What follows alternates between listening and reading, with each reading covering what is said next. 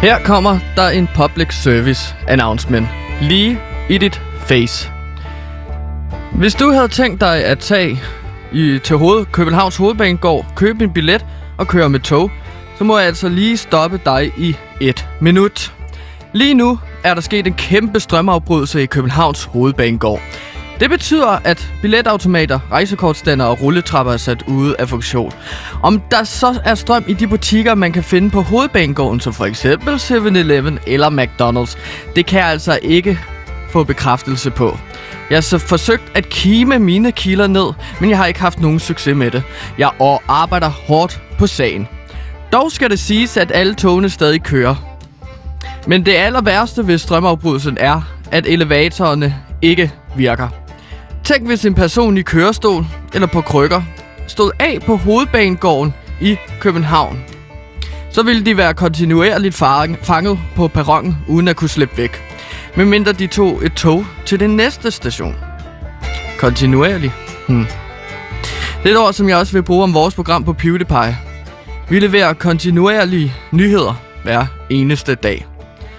Velkommen til PewDiePie. 54 nyheder på 54 minutter, som er kontinuerlige og finurlige og seriøse.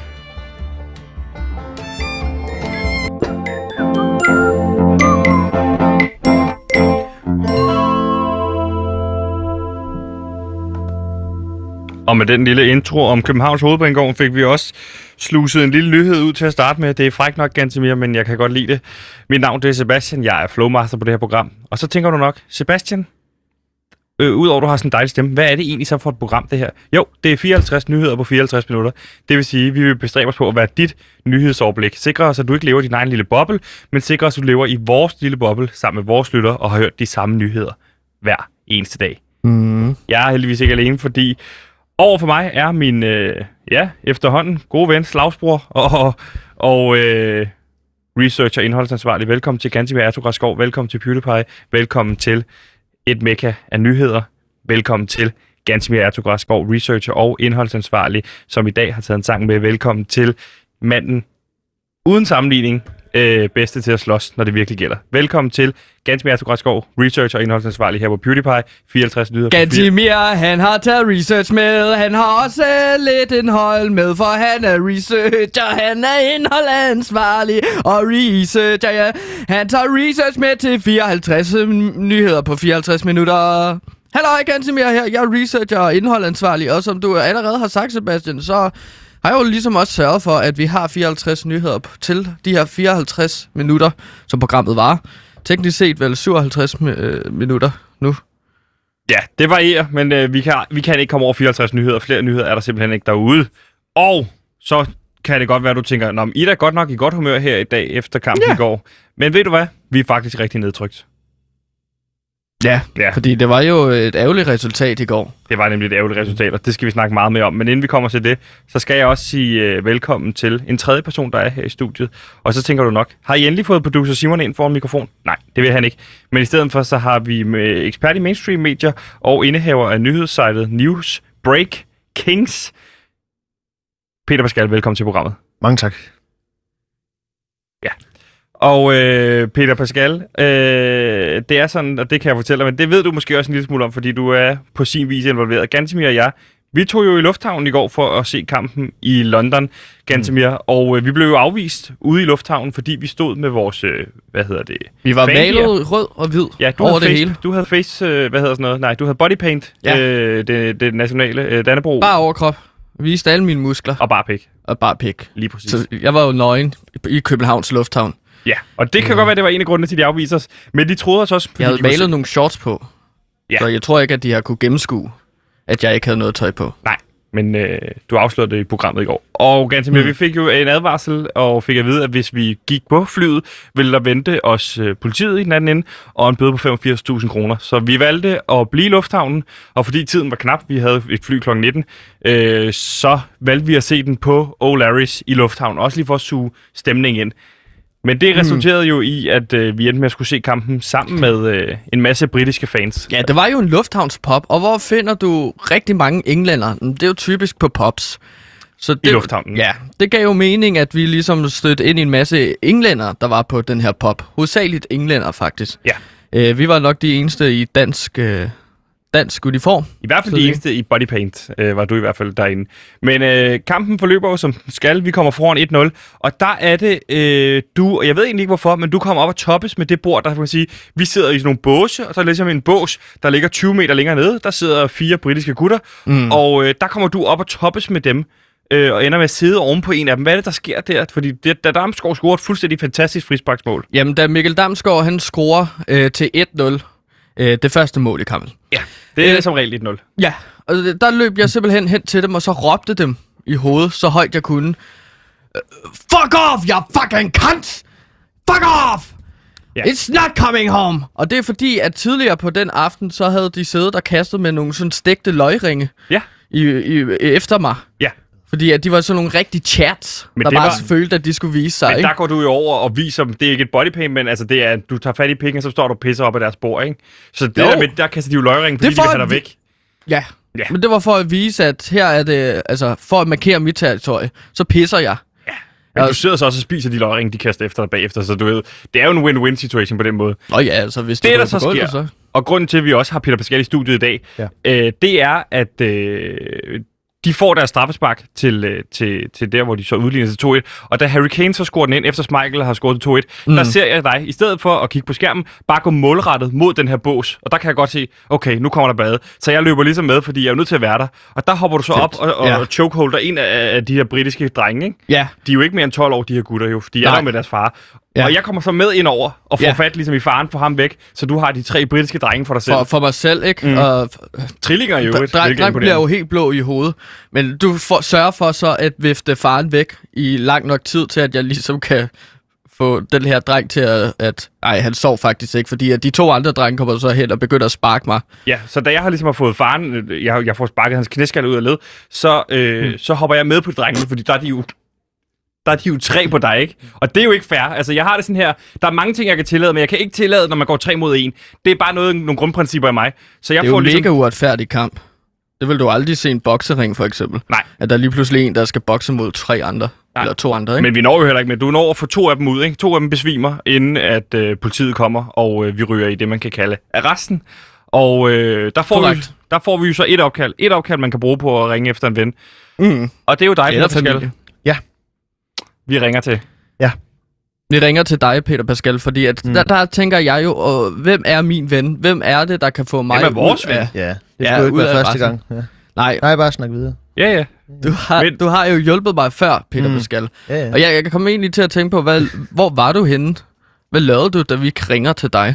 Altså, jeg var jo, på det tidspunkt, så var jeg lige blevet færdig med mit aftensprojekt, hvor I andre, jeg var ude og drikker senseløs beruset og slået på børn, kan høre, og kvæl, de er 12 kvæl en voksen mand, De er det, der kalder... og sparke en, en mands... Øh, Pre-teens, hvor jeg lige ja, sparke en mands øh, knæskaller ud øh, med low kicks og så videre, ikke? som jeg har lært dig, øh, Sebastian. Det synes jeg, jeg har lært dig det, for at du skulle lære selvforsvar, og du bruger det i sådan en sammenhæng, hvor jeg synes, at det, det gør man bare ikke. Du siger bare, Så ja. kommer jeg og henter jer derude. Jeg sidder i gang med, jeg er lige blevet færdig. Jeg har lige endelig fået, lov, eller endelig fået strøget de perleplader, som jeg har været i gang med hele aftenen.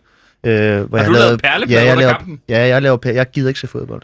Men jeg, jeg lavet perleplader, og jeg lavet sådan, hvad hedder det, hvad, hvad, nogle, nogle billeder, nogle portrætter af mine forældre og mine søskende og, og deres børn og sådan noget. Så det må jeg. Har Og det, jeg brug, det var det, jeg brug, ja, det har jeg lavet perler, og det var det, jeg brugte min, min øh, lørdag på. Men du Eller ved, torsdag. Hvor mange perler er der i sådan et portræt? Jamen, det kommer, sgu, an- det kommer an på, hvad man skal lave, kan man sige. Det er også ligegyldigt. Jamen, du henter os i hvert fald ude i, uh, i arresten, og Ja. det er vi sindssygt glade for, det er ved en halv femtiden. Ja, Og det var øh, med med noget af en oplevelse, må man sige. Det, det synes du alligevel. ja, det synes jeg godt nok. Nå, ja. Hvor langt kører du? Hvor er det, du bor, Peter Pascal? Jamen, øh, jeg bor jo i Sorø, så det er jo noget af en tur. Ja, eller jeg bor i. Sorø, ja, altså den her, altså de sidste par måneder har jeg boet i Sorø, men altså sådan, ja, det var så det. Så skal man jo køre øh, 48 km eller sådan noget, for at komme ud til jer i resten. Ja, og der, der får du så hentet os. Ja, Og det går, øh, Peter Pascal, jeg ved jo, du har lavet en lille smule, mens vi skulle have ordnet noget papirarbejde i forhold til at skulle, øh, skulle, mm. øh, skulle frigives og, Ja. og, og, og sættes fri. Så har du lavet en lille smule papirarbejde i forhold til... Du er jo mainstream medieekspert, det vil sige, du har ligesom også kigget på, hvad er det for en dækning, der har været mm. af, af, af, hvad hedder det, af kampen i udlandske medier blandt andet. Ja. Øh, kan du tage lidt med, hvordan, hvordan er kampen egentlig blevet dækket, og hvordan ser du det som mainstream medieekspert? Altså, man kan sige, egentlig så synes jeg ikke, at dækningen har været sådan, altså, hvis man for eksempel tager Berlinske Tiden, ikke, så er Ja. det sådan et, hvem er det, man sætter til at, at dække sportseventer? Der kan man for eksempel se i, i Berlingske Tidene, dagens Berlingske Tidene, den øh, 8. juli, der skriver Lene Vinter, som er Asien-korrespondent. De har sat en Asien-korrespondent til at skrive, lave en undersøgelse af, hvad er det for nogle, hvad skriver medierne og sådan noget. Mm. Og hun skriver Så blandt du har fundet nogle andre, der har lavet en undersøgelse af medier, Ja. for sig selv at slippe for at kunne gå rundt på og undersøge Men det er ikke for at slippe det, er fordi jeg har, som jeg så sagde tidligere, så, så fodbold, det er sådan lidt ligegyldigt. Nu har du tvunget mig til at lave det her indslag, ikke? Og så gør jeg det, og så gider jeg faktisk ikke rigtig høre så meget på, at, at, at, at, altså, at det ikke, at det Altså, ikke fungerer for dig, eller at jeg skal høre sådan en kritik der, fordi jeg kommer jo bare med, med, med min, bedste Du vilje. får, jo, altså, du får et klækkeligt honorar for at deltage. Du er ikke bare sådan en, der er inviteret ind. Du er jo ekspert, ja. Ja. og kvad din eksperttitel, der har vi jo fået dig ind på Loud som ekspert, Ja. så andre programmer også kan gøre brug af dig. Det har de så ikke valgt Nej, det gøre. har de ikke gjort. Og derfor så, og det, så skrev det du til jeg godt vide, hvorfor de, hvorfor de ikke gør det, og det tror jeg, det har noget med, med hvad der skete sidste gang at gøre. Men øh, det er jo også, øh, det vil jeg bare være, Peter, nu snakker jeg med, nu snakker jeg med Peter, han siger nogle andre ting, altså den anden Peter, ikke mig Peter. Så snakker med en anden Peter, som siger, at du går og fortæller nogle ting om mig rundt omkring. Men det er så, det er en anden historie, det er fint. Hvad, Peter, hvad, hvad spørger du om? Så skal, jeg, så skal jeg svare på det. Hvad siger de i England? Du skriver... Ja. Hvad siger de i Japan? Eller hvad, Du, hvad? nej, Peter, det er bare for at sige, du skriver til os i går. Ja. Der er den, uh, La Gazzetta dello Sporta skriver, at de Og engelske hvor er det fans... fra? Jamen, øh, Gazzetta. Det er altså, italiensk ja, medie, ikke? Ja, Det lyder italiensk i ja, hvert fald. La Gazzetta dello, dello Sporta. Og det er ret tydeligt, det er italiensk, men ja. Hæfter man øh, i den italienske sportsavis La Gazzetta dello Sporta, hæfter man sig ved elementet af held. Selv de engelske fans sagde, we got lucky. Ja. Skriver avisen om den, det kontro- kontroversielle straffespark, der afgjorde kampen. Men avisen skriver også, at det var retfærdigt, at det engelske hold gik videre. Englænderne var bedre. Det kommer ikke bag på mig. Og hvad, Men- hvad, hvad, hvad, fortæller det dig? Nu er du jo medie, mainstream medieekspert. Ja. Hvad, hvad, hvad, hvad, hvad fortæller det dig, det her med, at øh, hvordan de italienske medier for eksempel dækker kampen? Jamen, en ting, det er jo de italienske medier, en anden ting, det er jo også andre medier. Jeg kan jo se, der er jo en anden konsensus om, at Danmark bare ikke har været særlig gode under den her turnering her. Okay. At de ikke har spillet godt fodbold. Øh, Yes, og yes. især ikke i går. Jeg står jo så lidt og spekulerer over, om det måske er en måde for italienske journalister, og det kan du måske bekræfte, italienske ja. journalister at snakke England ned, sådan så at øh, man ikke gør dem mere frygtelige. Ja, de skal jo møde, øh, Italien skal møde England i finalen, ikke? Jo, Ja. Så det er jo den næste kamp. Ja. Så det er måske sådan lidt mere psykisk warfare, Er det Ja, sådan, du oplever du det? jo tit det ord. Altså, man kan sige, at ja, der har jo været den her konflikt mellem øh, Italien og, hvad hedder det nu, England, som jo faktisk, altså, hvis man går tilbage i tiden, helt tilbage til øh, krigstiden, ikke, hvor tyskerne og italienerne, de var på samme side. Vi har jo det tyske nazistyre, Mm. og så har vi øh, det italienske styre under Mussolini, ikke? Mm. Og de har jo kæmpet mod hinanden. Altså, de er jo øh, på den Italien tid. og Og det, er- der er jo nogen, der snakker om, at der stadig findes den der ondt blod, eller som man siger på engelsk, evil blood. Evil Blood. Som, er, hvor, Ah. altså, som, som, altså ikke bare sådan evil blood, hvad det er. Det kan godt være os to imellem, ikke? For eksempel, at jeg skal hente jer øh, i arresten, ikke? Men det kan også godt være gammel blod, gammel blod, som er ondt, fordi Mm. man, har, man, har, man har de her ting her. Så, Så- en ting, det er jo finalen, en anden så- ting, det er jo også, at, at de skal kæmpe, øh, at de her tidligere er, er krigs, de har kæmpet mod hinanden i krigen. Så for at forstå ja. Det øh, helt konkret, det er Ja. du, det, du siger, du siger, at vinklen i aften mm. Er, er påvirket meget af, af 2. verdenskrigshistorikken. Ja, det kunne det være. Det, Det kunne også det være alle mulige andre ting, ja. Altså, sådan, der er også nogle kulturelle ting, som Mm. mm. gør, at øh, Italien, Italien, Italien de øh, adskiller sig fra England. Hvad, Eller hvad, Storbritannien. hvad skriver de i Tyskland? Hvordan har de det så med øh, Ja, Italien og England? ja Men, så øh, hvis det er, kan trække Hvad tilbage til 2. Spiegel for verdenskrig. eksempel Ja, skrevet om, der- om det? Ja, så der Spiegel, der var der en, øh, en øh, der havde de nemlig lavet et, et interview med en, øh, en øh, hvad hedder det nu, en dommerekspert, der hed Thorstein Kinhøfer, hvor der stod, at øh, han har så sagt, at, at, øh, at han havde ikke dømt det straffespark, som, øh, Okay. som der blev begået. Så der er jo Øhm, ligesom meget, rigtig meget fokus på netop det her straffespark. Ja, lige var præcis. det der, var det der ikke? Ja. Nå, Og, og men- man kan så sige, at hvis, hvis Danmark ikke havde scoret på det straffespark, så havde det jo måske været noget andet. Så Ja, der det var går England, der Tyskland... fik straffesparket, ikke? Øh, nej, var det ikke? Altså, det var da ham der øh, Damhus, der scorede på straffespark øh, for Danmark til 1-0. Øh, Damgaard scorer på frispark. scorede scorer, mål. og så scorer øh, Harry Kane jo Og på, på frispark, straffespark. ja. Returen på straffespark. Og det skal Ja. vi snakke meget mere om øh, her i, hvad hedder det, Ja. i den, øh, den næste blok.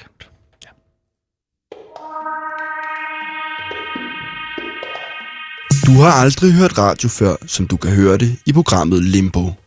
Lyt med, når vi på Radio Loud følger to unge radioværter, der er fanget i en tilstedeværelse mellem liv og død på et kælderloft, hvor hverken tid eller sted eksisterer.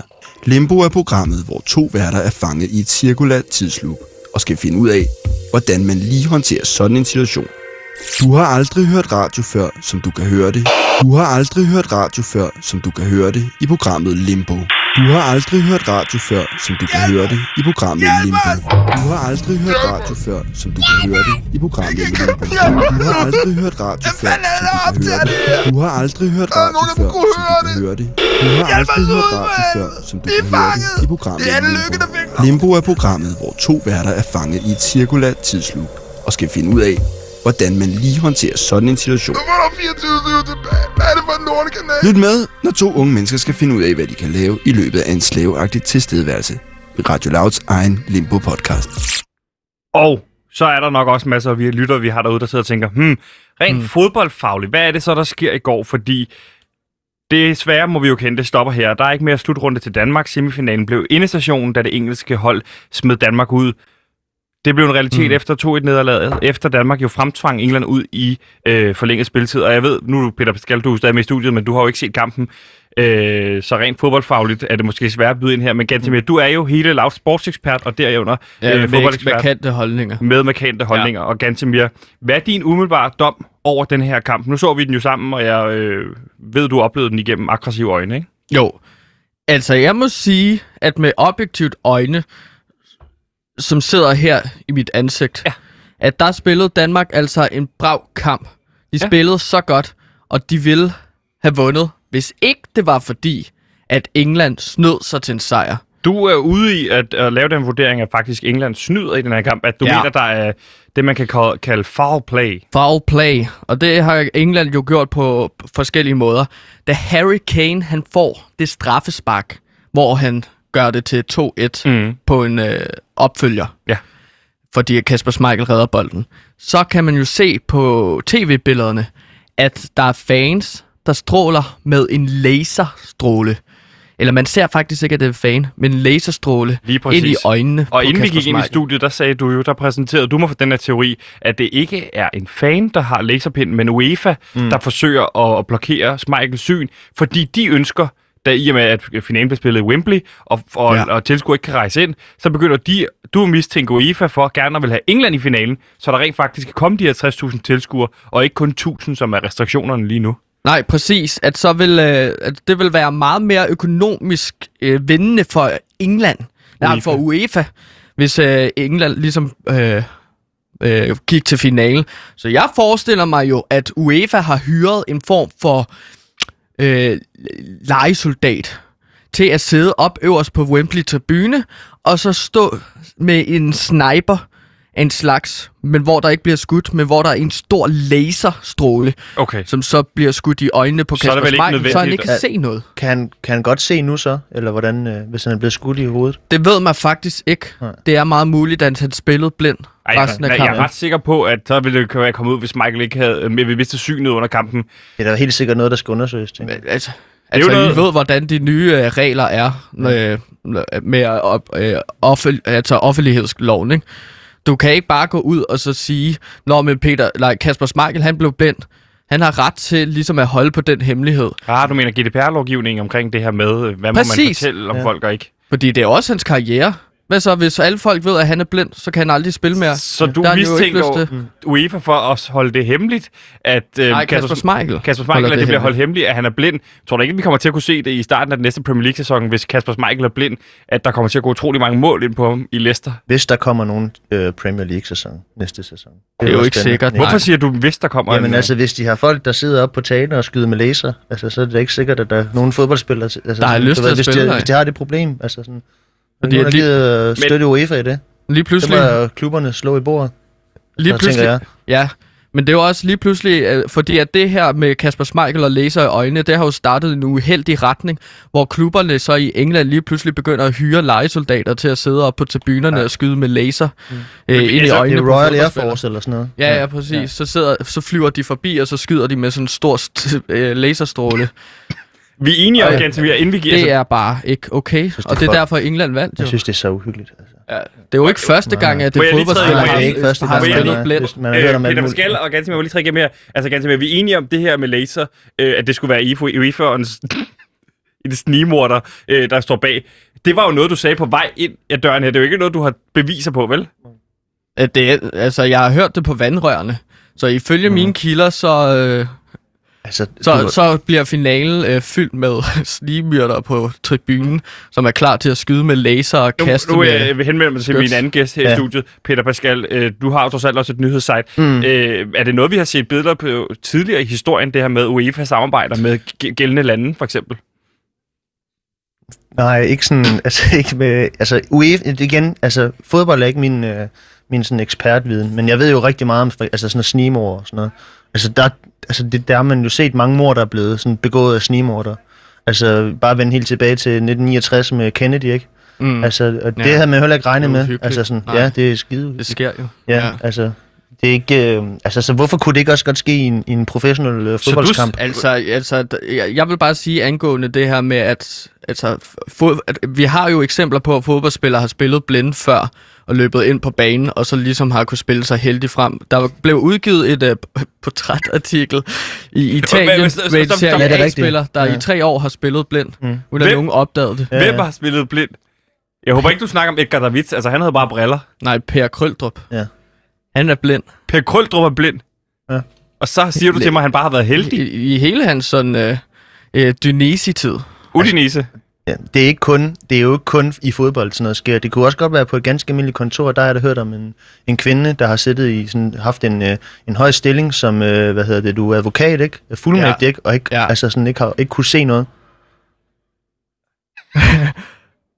Ja, og det er jo mega det er uheldigt, fordi at så Men har, så ikke- så har ja. forsvaren eller anklageren ligesom gjort sin konkurrent blind. hun i har aldrig- hun har aldrig været i De kan jo retten. ikke læse papirerne. Hun har, ald- aldrig været aldrig været i ret, nej. Hun har været sådan, du ved, sådan, hun så er der er et eller andet byråkratiet, som er sådan kørt rundt om hende, ikke? Og så har hun Ja. jo bare sådan kunnet trykke på en Må jeg knap lige, eller må sådan jeg noget. lige skære igennem her to Ja. sekunder? Og lige prøve det her. og, og, og køre det op i et helikopter Ja. øh, syn. Det er klart. Ganske mere, det, da vi er på vej ind, der ser jeg, at- at du sammen med Peter Pascal får en idé omkring, at det muligvis kan være øh, legesoldater, der står bag de her laser øh, Ja. ting, vi så på Smeichel Mhm. går. Ja. Nu ser jeg i det begge to som yderst plausibelt, Ja. at, undskyld, det er fordi, det er nyt for mig det her, at de, I ser det som meget realistisk faktisk, at øh, UEFA og England i samarbejde har hyret folk til at sikre sig, øh, altså hyre de her lejesoldater, for at sikre sig, at England går i finalen. Det er det eneste måde at forklare, hvorfor Danmark taber den kamp der. Kunne det, ja, okay. Altså, hvis man først begynder at acceptere, at verden ikke er, som, som du ser den altid. Nej. At, eller du, du begynder at åbne dine øjne for, at der, der foregår nogle andre ting. Ja. Altså, det vil komme bag på dig. Det, sådan har jeg selv oplevet med rigtig mange ting. At Mm. mm. så får man bare et chok, ikke? Altså sådan, hvad det er, der egentlig foregår. ja. Da jeg prøvede DMT første gang, at så Hvad, hvad er det? psykedelisk stof, at der åbnede mine øjne sig pludselig meget mere op, og så så jeg en masse ting, som jeg ikke havde lagt mærke til før. For eksempel, at, at folk skyder med laser ind i hinandens Det var ikke- øjne. Ja, det, Det var er en ikke, uheldig udvikling. det var ikke helt det, jeg sådan tænkte på, men... Okay. Hvad tænkte du der på, øh, Jamen, altså, det, det er jo mere sådan generelt det der med, at man åbner øjnene, og så ser, hvad der foregår her i tilværelsen. Du, tænker, når, men du tænker ikke metaforisk. Du Nej. tænker bare sådan, lad være med at lukke øjnene, og så holde øje med, hvor du Så går. vær, vær, vær åben over for, at, at der findes andre slutninger, end dem, som der lige bliver... Altså, du siger jo selv, nu UEFA Ja. ja. ikke, at det kan jo Mm. godt være, at det er UEFA, der har sat sniper op på, op på toppen af Højst Wembley. ikke? sandsynligt, ikke? Ja, men det kunne, det kunne også godt være alt muligt andet, ikke? Eller det, det altså sådan, du ved... En man, ting er sikkert, ja. Ja. og det er, at, øh, som du også siger, Peter Pascal, at øh, slutningen er her, og at Danmark, det faktum er, at Danmark er ikke i en finale. Ja. Ja. Og hvordan man håndterer sådan en situation, det øh, synes jeg, vi skal dykke en lille smule ned i.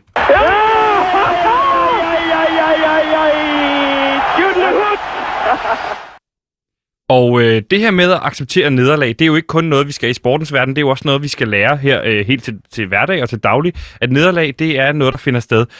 Og rigtig mange har måske oplevet i går det her med, et nederlag, som måske man ikke havde regnet med skulle føle så tungt, men fylder rigtig meget den her dag i dag. Øh, folk, der måske ikke har gået op i slutrunden, eller ved, hvem landsholdsspillerne var, inden slutrunden startede, pludselig mm. har det været det vigtigste for dem i deres liv. Og øh, nu ved de ikke, hvordan de skal komme videre, men Gantemir, du er jo en mand, der har oplevet utrolig mange nederlag i sportens verden, og Peter Pascal, du har også forklaret mig, at du har oplevet mange nederlag øh, i dit personlige liv. Mm. Så jeg har bedt jer sammen om, øh, hvad hedder det, at ud, udføre en liste med fem øh, gode råd til, hvordan man kommer igennem det her. Og Gantemir, jeg ved, du står med listen, som jeg har Jeg har udarbejdet. listen her, Peter. Så kan du jo supplere øh, Peter Pascal med ind på det her. Mm. Men du Mhm. har fem gode råd til, hvordan man kan komme videre her dagen derpå. Og hvad er dit første råd, Gantemir? Mit første råd, det er, at efter et kæmpe nederlag, øh, og man har svært ved at finde ro i sig selv igen, man er ked af det, så find en fjende. Find en ny fjende. Som, øh, find en, du kan spejle dine dårlige følelser over på. Mm. Jeg har for eksempel valgt, efter at Danmark er røget ud, at finde min kollega Sebastian Peebles, der er en fucking kant. Ja, han er halv britte her, øh, som arbejder her på, på kanalen som praktikant. Ja. Så jeg, jeg, det, jeg gjorde, det er, at jeg tog noget, der betød rigtig meget for ham, og så... Du har ikke taget hans England-trøje. Jeg ved, Ja, han gik rundt på redaktionen i dag og spurgte, om der er nogen, der har set hans EM, øh, hvad hedder det, England-trøje fra 1996, som betyder rigtig meget for ham, som er en match-worn øh, trøje. Det ligger nu på hans spor, og ved du, hvad jeg gjorde med det? Godt, du har den tilbage. Ja, Godt. Jeg sked, og så tørrede jeg røv i hans yndlingstrøje. Så nu ligger der et øh, tilrøvet øh, øh, Englandstrøje på hans spor. Men basically, så skal du finde en fjende, og så skal du gøre den fjende fortræd. Og det er noget, du kan øh, genkende til det her med at prøve at finde en person, man kan spejle de dårlige følelser over i, øh, Peter Pascal. Igen, det er det der infantile pis, I har gang i, I to der hele tiden med, hvordan de skal være over for andre mennesker. Det, jeg tænker mest, det er det der med, at man skal finde roen i sig selv, ikke? Vær god ved dig selv. Sæt dig ned. Få en god kop yogi-te. Øh, lav, ikke, spis en ostemad, hvis du er veganer eller andet. Okay, ikke? du Så- fortæller mig inden, at det er en liste, I to har udarbejdet sammen. Og Ja, du siger, Peter Pascal, Ja, vi har lavet en liste hver. Okay, Jeg gider ikke være med til det der, det synes jeg. Det kunne jeg høre, hurtigt høre, at vi ikke kunne blive enige om, så det er jo sådan, det er. Så, så jeg har lavet min egen liste, ja. Okay, jeg siger, find en fjende, som du kan gøre fortræd, og så siger Peter Pascal jo, at du skal drikke noget yugi-te. ja. Vend, vend, Øh, vend vreden en indad. ost, ostemad. Vend Du skal også drikke noget mælk eller sådan noget, ikke? godt. Er det Drenge, jeg det, skal lige kan igennem, hvad lide? jeg siger. Det er i hvert fald noget, man kan arbejde med. Jeg har, ved, I begge to har et råd nummer to med, og lad os prøve at høre, hvad det er.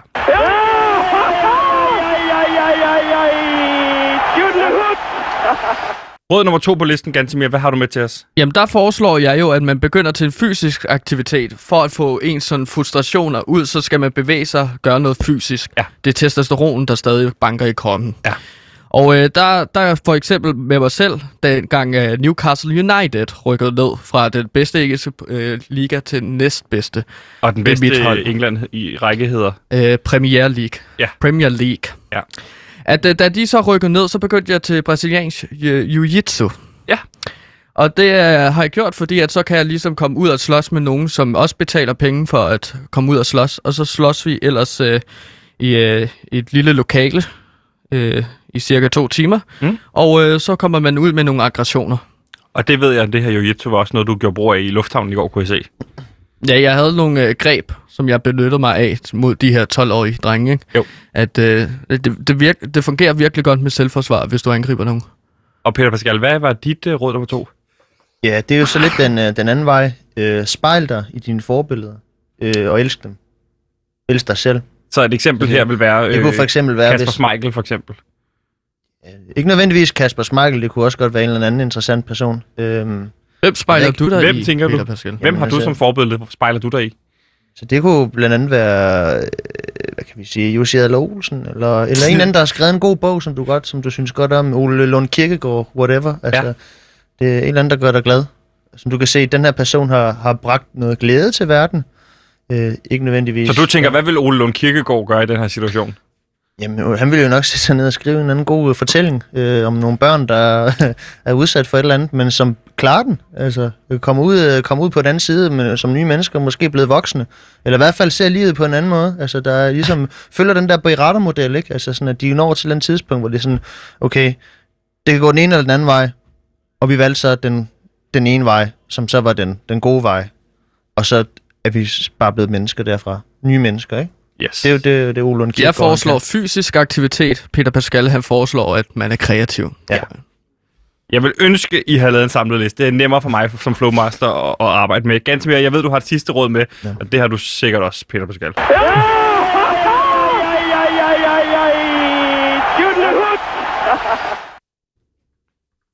Ja, et sidste råd, det er, at øh, hvis du er virkelig nede, rigtig ked af det efter et dårligt resultat, så tag noget narkotika. Ja. Det, det hjælper ret ofte med at tage toppen. Så hvis du er rigtig ked af det, det er jo, der er en grund til, at folk bliver afhængige af det, fordi at det er så, altså det hjælper. Ikke? Så Ja. hvis du er rigtig low øh, på humør, Ja. så tager du noget, nogle stoffer, og så kommer du ovenpå igen. Og i den her situation, hvad har du for eksempel gjort i forhold til øh, Øh, M- MDMA, det er det her stof, der gør dig utrolig kærlig og glad. Øh, sådan så hvis du har, har det dårligt, så bliver du glad igen. Det er en form for medicin, faktisk. Og mikrodoserer du det så? Det nej, her- nej, nej, nej. Jeg gruppedoserer. Hvad Jeg tager det? rigtig meget. Du tager meget, men det er ja. Vel også, fordi du har taget meget i lang tid. Vil du anbefale Ja, folk, der lige ja, min begynder på det tolerance er jo ret høj. Ja. Det er jo ligesom alle de der rockstjerner, der også tog stoffer tilbage i 80'erne og 70'erne og så videre. Ja. Deres sådan tolerance, det, det blev jo nødt til at tage mere og mere og mere og mere. Mm. Øh, et, et, et, men min tolerance er næsten lige så høj, som jeg er lige nu, faktisk. Jeg er utrolig høj, sådan helt skæv. Okay. Øh, så det, det vil jeg foreslå. Øh, I kan også bruge et af de to andre tips, hvis I ikke er... Det kan også være en dyr løsning i længden, Ja. faktisk. Det er mit tredje råd. Ja. Tag nogle stoffer. Og øh, Peter Pascal? Ja. Kan du købe dig ind på den? Øh, selvfølgelig kan jeg ikke det, fordi det er jo fuldstændig vanvittigt. Øh, ude i skoven, øh, hot yoga. De her tider her, hvor, der er, hvor skovbunden ligesom, altså øh, i hvert fald her i København, der, der solen skinner ud over den der meget, den der meget våde øh, skovbund, så hvor, hvor temperaturen ligesom gør, at, at skoven den bliver fugtig på en helt anden måde. Sæt dig derud øh, med et øh, håndklæde eller en, øh, eller en yogamåtte, og så øh, ja, sæt dig ned og lyt lidt til naturen, hvad, hvad, hvad naturen siger til dig, og så prøv at se, om du kan sådan, ja, hvad, hvad, hvad sker der mellem dig og naturen? Ja. Godt. Du så, lød helt forelsket, Peter Basel. så rådene Altid for at komme over et det. nederlag, der kan man ligesom vælge at gå to retninger. Du kan følge Gantemirs råd, som er, tage noget narkotika, øh, dyrk noget jiu-jitsu for eksempel, og finde en fjendebillede. Ellers så kan du dyrke mere over hos øh, Peter Pascal, hvor man øh, dyrker det her øh, idolbillede, drik noget te og dyrk noget hot yoga. Det er i hvert fald vores bud her fra øh, PewDiePie. Tusind tak til begge herrene for at komme med nogle gode bud, og øh, glad for, at du kunne agere en lille smule også ekspert her, øh, Peter Beskal, så du kan gøre dig fortjent til dit øh, eksperthonorar, som du får her i Radio Loud. Ja. You know, if you were to follow a busy doctor as he makes his daily round of calls, you'd find yourself having a mighty busy time keeping up with him. Time out for many men of medicine usually means just long enough to enjoy a cigarette.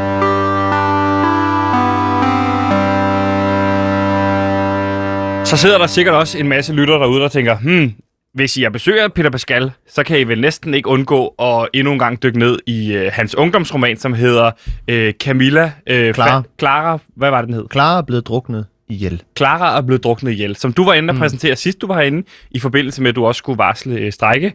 Det er en anden historie i forhold til, at vi hyrede dig som sygeplejerske, og du så øh, var skruebrækker, som så varslede endnu en strække, da du så øh, blev ansat. Skruebrækkerne strækket. Skruebrækkerne strækket. Ja. Det kan man høre om i et gammelt program. Det er en øh, problematik, vi har lagt bag os, og som vi retsligt ikke kan udtale os om her i programmet. Det er i hvert fald nogen, der har lagt bag sig, kan jeg høre.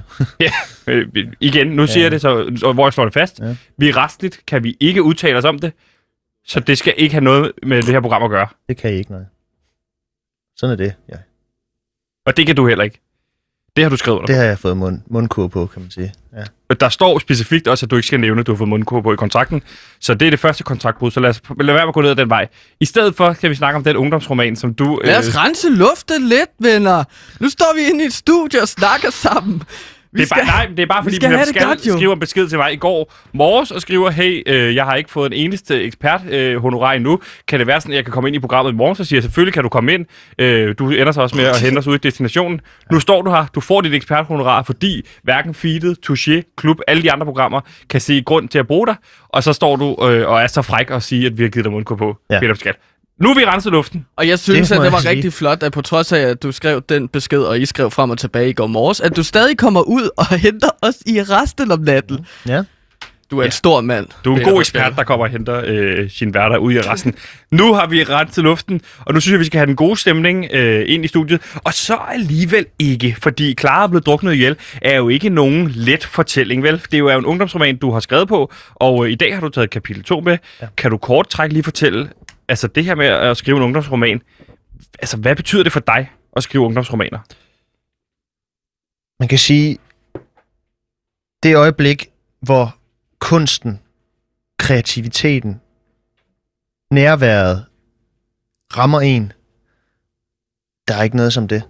Nej. Hvor man pludselig føler, at, at er det mig, der skriver? Eller er det, sådan, er det et eller andet udefra, der sådan rammer min hånd mm. og kommer ned på, på papiret? Øhm, altså, det, det, er en, det er en oplevelse, som, øh, som jeg vil ønske, at, at alle folk de kunne opleve. Øhm, men jeg tror jeg sgu ikke, der er så mange ud over mig, der Nej, jeg kender eller godt har, til lige det. præcis den oplevelse. Ja, writers ja, jeg high, kender det godt. ikke? Ja, ligesom fordi jeg er også manuskriptforfatter, Ja, ja. og øh, så jeg kender det godt. Og Ja, jeg, du har jeg, jo skrevet en tv-serie, der er solgt til TV2, øh, Strisser på Anholdt, Ja, og du skriver på den her ungdomsroman. Ja. Som, og du, er du i kontakt med et forlag, eller hvordan? Jamen altså, det er jo det. Eller ud, udkommer den udelukkende på Newsbreakings? Jeg er jo det, der hedder DIY, altså do it yourself. Ja. Så det vil sige, at øh, der, jeg vil ikke være, der, jeg skal ikke have nogen mellemmand, øh, som skal fikse mit. Det bliver kommer på Newsbreakings, øh, mit eget øh, øh, sted, hvor jeg poster ting, eller hvor vi i, øh, hvad hedder det nu, det, øh, det, det, det, min organisation, vi ligesom smider ting op på. Øh, og det er jo også i gang, vi er i gang med at lave de første forberedelser til at lave forlaget. Øh, Newsbreakings, øh, Og nu skal det jo handle om din uh, ungdomsroman, Peter Pascal.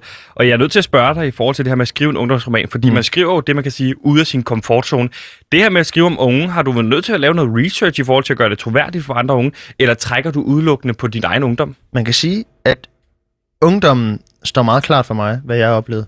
Så det er ikke sådan, at jeg har haft behov for at... Øh, altså, det er ligesom, ligesom sådan en tidsmaskine, det her, Ja. der foregår. At, hvad, hvad, hvad, hvad var kulturen dengang?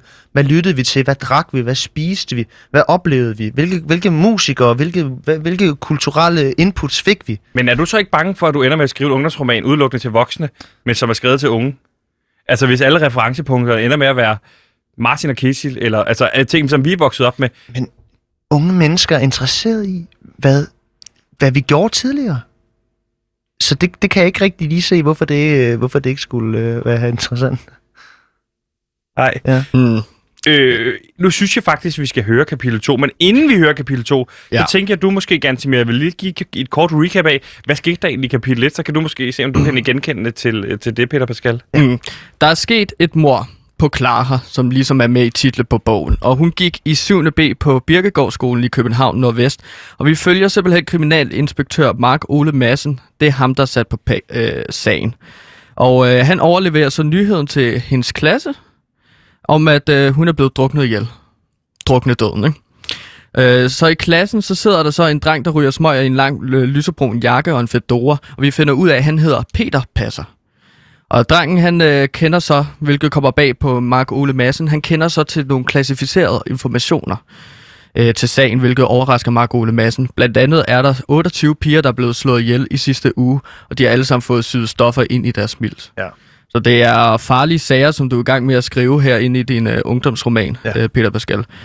Gerningsmanden er kendt som syrsken i politikredse, men han er ligesom ikke, man ved- kender ikke identiteten på ham. Nej. Så og der, derudover er Madsen også den eneste overlevende ud af 38 politifolk. Ja. Øh, fordi der er 37 politifolk, der er døde. Inde i Baby Sam i, uh, på Amager. Ja, der skete noget meget uheldigt der. Og nu skal vi altså høre kapitel 2 af Clara er blevet druknet ihjel. Jeg vil bare sige, Peter Pascal, take it away. Kapitel 2 De bedste veninder I'm blue, da ba di da ba da, da ba di da ba da. Skift. Do you believe in life after love? Skift. Keep on moving on in every day. Skift. Hurt me, baby, one more time. Skift. Stop! Helt ærligt, Clara. Kan du for guds skyld ikke høre bare en hel sang? Sagde Christina, som var Klares bedste veninde gennem 4. til 7. klasse. Lige for tiden var deres venskab dog blevet betydeligt udfordret. På grund af udgivelsen af opsamlingsalbummet Hits for Kids 3, som Clara havde fået af sin onkel Rasmus Larsen, og som Christina ikke havde. Hvorfor skal du altid skifte sang? spurgte Christina, og holdte hånden over Nix-knappen på Klaras lille brune ghettoblaster, så Clara ikke kunne skifte sang. Skal vi ikke lave noget andet, Christina? Jeg kan alligevel ikke lide musik, sagde Clara. Hvad tænker du på? spurgte Christina. Kender du Scooter Lars fra 9. Du ved ham med det lange hår, som ryger smøger? Ja, jeg kender ham. Det var ham, der ville give mig en pakke smøger, hvis han og Emil måtte spytte mig i munden. Han er sgu ikke normalt klar, sagde Christina, mens hun tog en tår af sin gulgrønne Urge sodavand. Øh, okay. Vildt nok alligevel. Nå. Men Lars, han viste mig altså noget mega sejt. Hvis man ikke har råd til øl og smøger, fordi ens forældre er latterlige og mongoler. S- sagde Clara og gik hen til sit klædeskab, der var prydet med plakater af Leonardo DiCaprio, Freddie Prince Jr. og Melanie C. fra Spice Girls. Clara kom tilbage med et håndklæde, hvor i det var viklet en flaske ind. Christine, Christina undrede sig. På flasken stod der rensebenzin. har, har Lars lært dig at gøre møbler rene? Hvor han dog en pikmongol? sagde Christina med en rysten i sin stemme. Hun vidste egentlig godt, hvad der var, der skulle til at ske. Så hun spillede bare dum og naiv, så Clara ville tro, hun var sej. Hun var faktisk rimelig usikker for tiden, efter hun var kommet til at glemme sin multihandicappede far i badekarret i fire timer. Så han var helt opsvulmet og havde ligget og grædt alene. Kristinas søster, Bulgård, havde fundet faren, og den dernæst tørrede ham. Der var ikke sket noget, men Christina følte skam, og var egentlig ulykkelig over hændelsen. Hun måtte øh, derfor ikke længere bede. Hun må derfor ikke længere bade sin far på grund af den mistillid. Fint, tænkte Christina. De er bare alle sammen nogle pikhudspasser. Vi skal sgu da ikke gøre møbler redde din, øh, ren, din skidespraller, sagde Clara og åbnede dunken med rensebenzin. Så hældte hun noget af flaskens indhold ned i det lyseblå håndklæde og sagde til Christina. Træk vejret gennem håndklædet. De seneste dages problemer kom frem for øjnene af Christina Nielsen. Skynd dig nu. Vi skal være stive, inden min ven, der skal sy mine bukser, kommer, sagde Clara. Kommer der flere til denne fest? spurgte Christina. Ja, sgu da. Kom ind i kampen, sagde Clara. Christina stak hovedet meget kort ind i håndklædet og trak vejret. Hvad fanden er det for noget, mand? Du skal sgu da ikke invalere, sagde Clara og hældte resten af flaskens indhold ned i klædet. Herefter tog hun håndklædet op til ansigtet og tog tre store vejrtrækninger. Clara vendte det hvide ud af øjnene og savlede lidt ud af undermunden. Hun var helt stille i fire minutter. Det ringede på døren, og Clara blev pludselig sig selv, men var dog forskrækket. Skrid hjem din tøsepik, og kom aldrig tilbage. Du er ikke længere min bedste veninde, råbte Clara. Christina tog sin jakke på. Skrid! Skrid! Han er her nu! Fuck af! græd Clara. Christina blev bange og skyndte sig ud af teenageværelset. Hun faldt over Klares fars store militærstøvler og flækkede øjenbrynet. Skrid! hørte hun Clara råbe. Christina fik blod i øjet og kunne ikke se ordentligt, så hun bankede hovedet ind i spejlet, der stod i entréen. Spejlet smadredes mod hendes unge ansigt. Pludselig havde hun åbninger i hele ansigtet. Skrid! råbte Clara. Christina tørrede blodet væk, men faldt igen over farens militærstøvler. Men denne gang bumpede hun ind i en hylde, hvorpå der stod en mingvase fra det gamle Kinas jungleperiode. Vasen, som vejede 28 kilo, faldt ned og gik i tu mod Christinas hoved. Skrid! Hørte Christina rungende i baggrunden, samtidig med en, en lang hyletone, der nu var opstået. Hun svingede hen til døren. Hun åbnede døren op ud til opgangen. Her stod der en hætteklædt person med en elefanthue trukket over hovedet. Det var det sidste, Christina huskede, inden det hele blev sort, og hun vågnede op på Rigshospitalet med 15 brækket knogle, et mistet øje, kraniebrud, indre blødninger og et halvt kilo heroin syet ind i hendes mildt.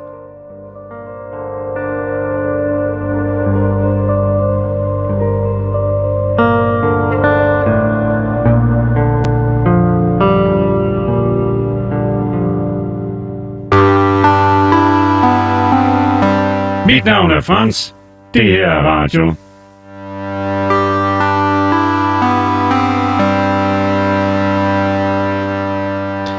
Kapitel 2, og vi har allerede været vidne til, ja, drab nummer 2.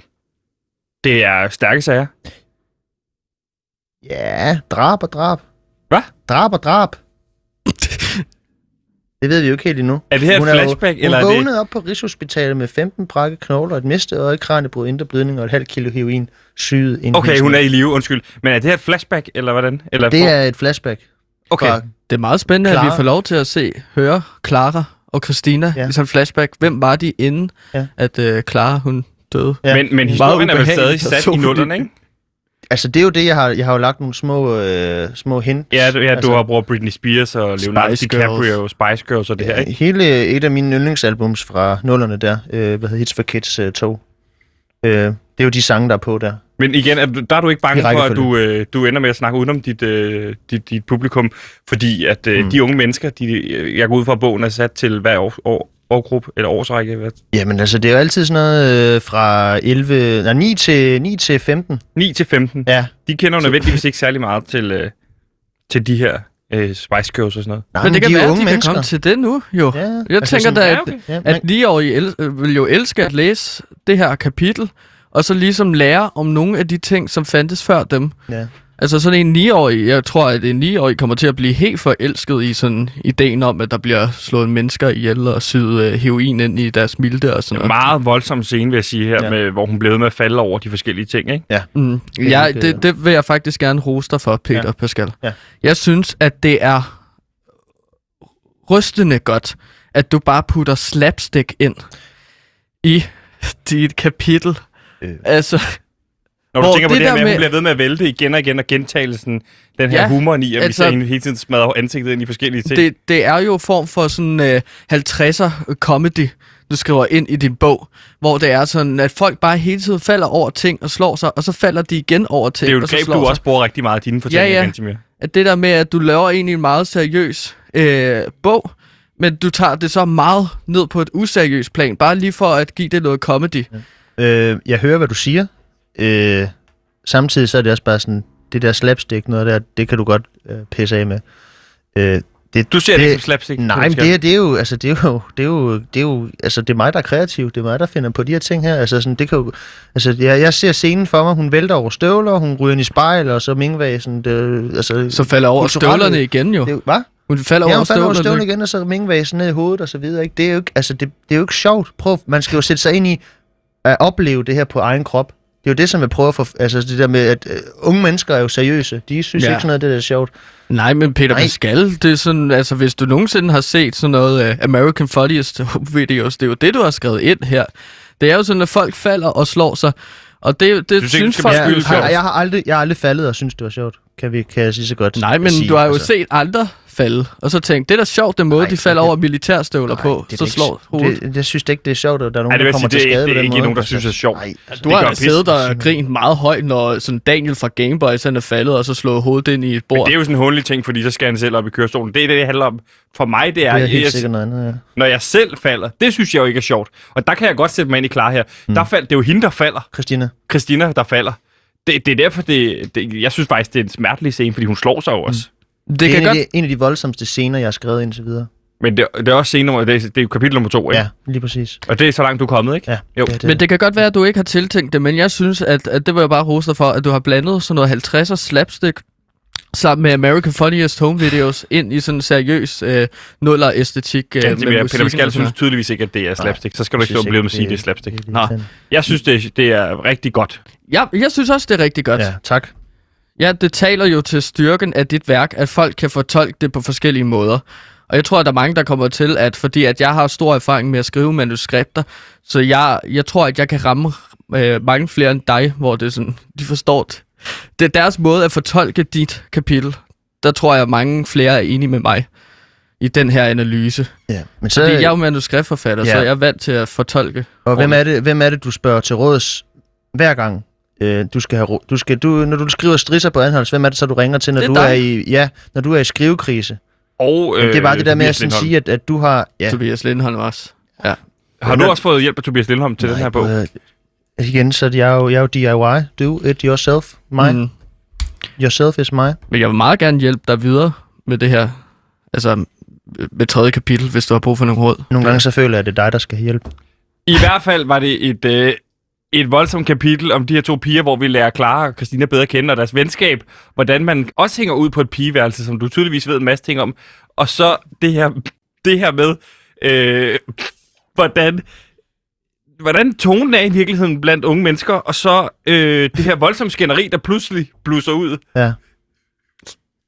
Du, du siger, at det er sådan, at nogle af de ting, som du har oplevet som ung person, jeg kendte faktisk ikke det her trick med at hælde rensebenzin ned i et håndklæde. Er det Ja. noget, du har gjort dig i som ung person?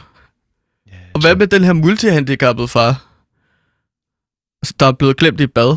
Har Ja. du, er, det, er det fra egen erfaring? Jeg synes ikke, han må have noget kunstnerisk frihed til at kunne sige, hvor han har lyst til at, involvere os. Man kan også sige, der er også nogle ting, som er sådan rimelig personlige, som hvor jeg sådan, det behøver vi ikke uddybe, men du kan godt tydeligt mærke, at der er nogle sår her, som jeg også er i gang med at putte plaster på. Ja, og Igennem ja. din kunst? og igennem Ja, din kunst. lige præcis. Og det var i hvert fald øh, spændende, og i hvert fald med en cliffhanger her, Ja. hvor vi øh, finder nogle pige på hospitalet med øh, stoffer syet ind i kroppen endnu en gang, som vi ved er trademark for morderen. Det synes jeg er mega spændende, og jeg glæder mig rigtig meget til at høre kapitel 3, Peter Pascal. Du troede, det var underholdende at se mennesker i nød få bygget de fedeste huse. Så vent til du ser Radio Loud vende konceptet på hovedet i vores nye podcastserie Fra Slot til Skråt. Lyt med, når Radio Louds egen Johannes Fallesen for eksempel tager ud til Marianne, der aldrig har haft en sygedag, og som til hverdag er handicapmedhjælper, og brænder hele lortet ned med fem andre unge mennesker med hver deres personlighedstræk.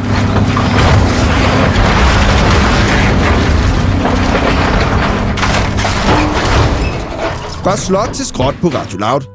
Du har ikke lyst til at miste det.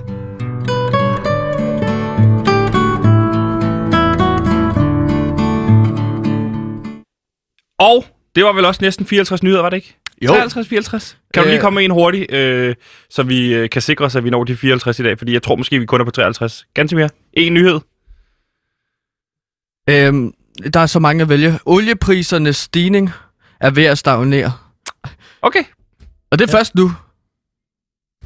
Det er sket lige nu. Og news breakings, hvad er den næste? Du ved, kan du tease lidt for den næste fortælling, I er ved at, at, at skrive på? Ja. Øhm, hvis vi... Øh, for nylig så er der blevet... Øh, der er fundet en, en ny form for seismik øh, aktivitet uden for slagelse, som vi er ved at undersøge. Jeg har sendt en mand ud for at tjekke, hvad der, er, der foregår, men der er nogen, der snakker Hvem har om, du sendt ud til det at, øh, i øh, organisationen? Øh, Kirsten. Men det, det er så, at hun skal så ud og så med en øh, måler, og så se, om der faktisk er ved at opstå en vulkan uden Er for det- slagelse. Det er sådan en jordskældsaktivitet simpelthen. Ude for Slagelse. Det er det. Voldsomt. Ja, hvis du kigger Slagelse Kirke der, der er jo ting, der er begyndt at falde ned.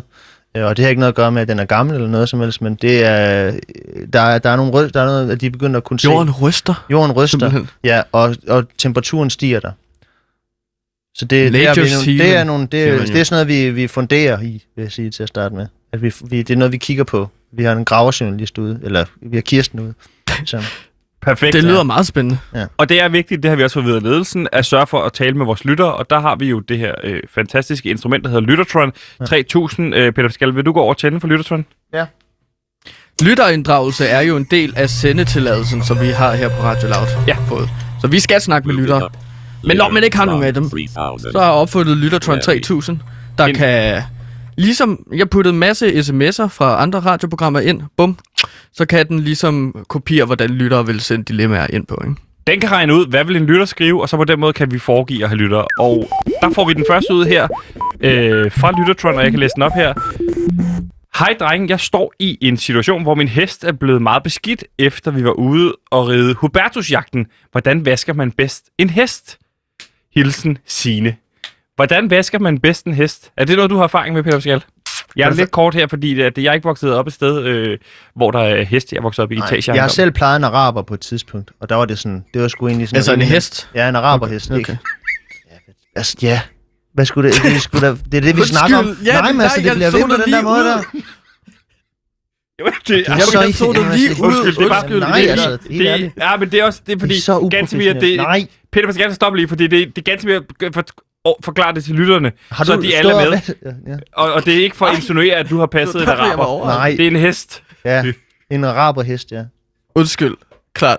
Ja. Det var fordi, hvis der var nogle lytter, der ikke vidste, hvad, at Nu, det, det, kunne jeg, være nu, en jeg, har lige forklaret det. Jeg har lige forklaret det. Lad være med at træde Ja. rundt i det, Gansimir. Hvordan Peter gør man Pascal, sådan en hest? Hvordan gør man, hvis det er en araber hest? Hvordan, hvordan vasker man sådan en bedst? Ja, du spuler den, og det er egentlig, egentlig meget nemt nok. Så du henter noget vand, og det skal være med en, eller du, du øh, haveslang, whatever, og så sko, altså fordi araber, de løber hurtigt, øh, så det kommer ind og sætter sig ind under, ind under huden og så videre. Eller ikke ind under huden, men sådan rundt Pelsen. omkring sidder, ja, pelsen, Ja. ja. det sidder rigtig Mm. godt fast, så du, det skal spules meget hårdt. Øh, hvis du kan finde højtryksspuler eller sådan noget, så er det perfekt. Altså, ja, Men man kan jo sætte uh, tommelfingeren op for en slange, fordi så spuler man jo, så bliver trykket jo hårdt. Men hvis det sætter sig i hestens pels, kan man så ikke bare barbere pelsen af? ja Så bliver det men, vel ikke beskidt. Men altså, det er jo tydeligt, at du ikke ved noget om hesteæstetik. Øh, jeg aner intet. Hest, ja, Det handler rigtig meget om, som jeg forstår det, Ja. Skal, det her med at have hest handler også Ja. rigtig meget om udseende. ja, Og det er jo ikke pænt på en, en hest, hvis den er helt bar. nej, det er det ikke. Men det er jo Gansimir jo øjensynligt fuldstændig ligeglad med. Men det er jo Mhm. sådan, Hvornår passer du en araberhest? jamen der har jeg jo været øh, med 12 år. Det var min første, der havde min første øh, Klira, øh, som var den første hest. Det hed hesten? Ja, den hed Klira. Clear. Ja, ja. Og, okay. Ja. Red du meget på den, eller passede du den bare? Jeg passede den bare. Min, jeg har en, øh, min søster redde den. Øh, jeg måtte ikke få mine forældre. Min far, han synes ikke, at det var sådan en, noget for drenge. Men det er en anden historie. Mm. Yes. Men jeg gad, øh, jeg gad jo godt at ride på hest. Altså. Og det er ikke noget, du har opsøgt efterfølgende? Det kunne være, at vi skulle ud og ride på hest en dag, Peter. Jeg vil jo gerne lære mere om heste, hvis det Ja. betyder noget for dig. Det vil jeg Der er en skov lige uden for København. De har vilde heste. Så kan vi jo hoppe op en på en. skov uden for København, ganske mere. Dyrehaven, ikke? Eller hvad? Jo. Ja. Det vil, jeg- ved du hvad, Gansimir, det vil jeg rigtig gerne. Tak, Godt. for, tak fordi du bekymrer dig mig. Så kan I to gå ud og, og, og forenes lidt igen, i stedet for at stå og skændes herinde. Og så vil jeg sige uh, tusind tak til jer begge to, især til uh, dig, Peter Pascal, for at komme forbi og få, få fat i dit uh, eksperthonorar. Ja. Jeg håber, vi kan få det, få det op at køre igen. Gansimir, også tak til dig for research og indhold, og tak til... Jo, selv tak, min ven. For at være flowmaster, Sebastian! Der er ingen grund til at Jeg synes også, du gjorde det rigtig godt i dag. Tak skal I have. Og tak til Simon ude i regien, der fik uh, produceret det her program i bund. Nu er det blevet tid til nyhederne, som i dag skal handle om uh, flodheste.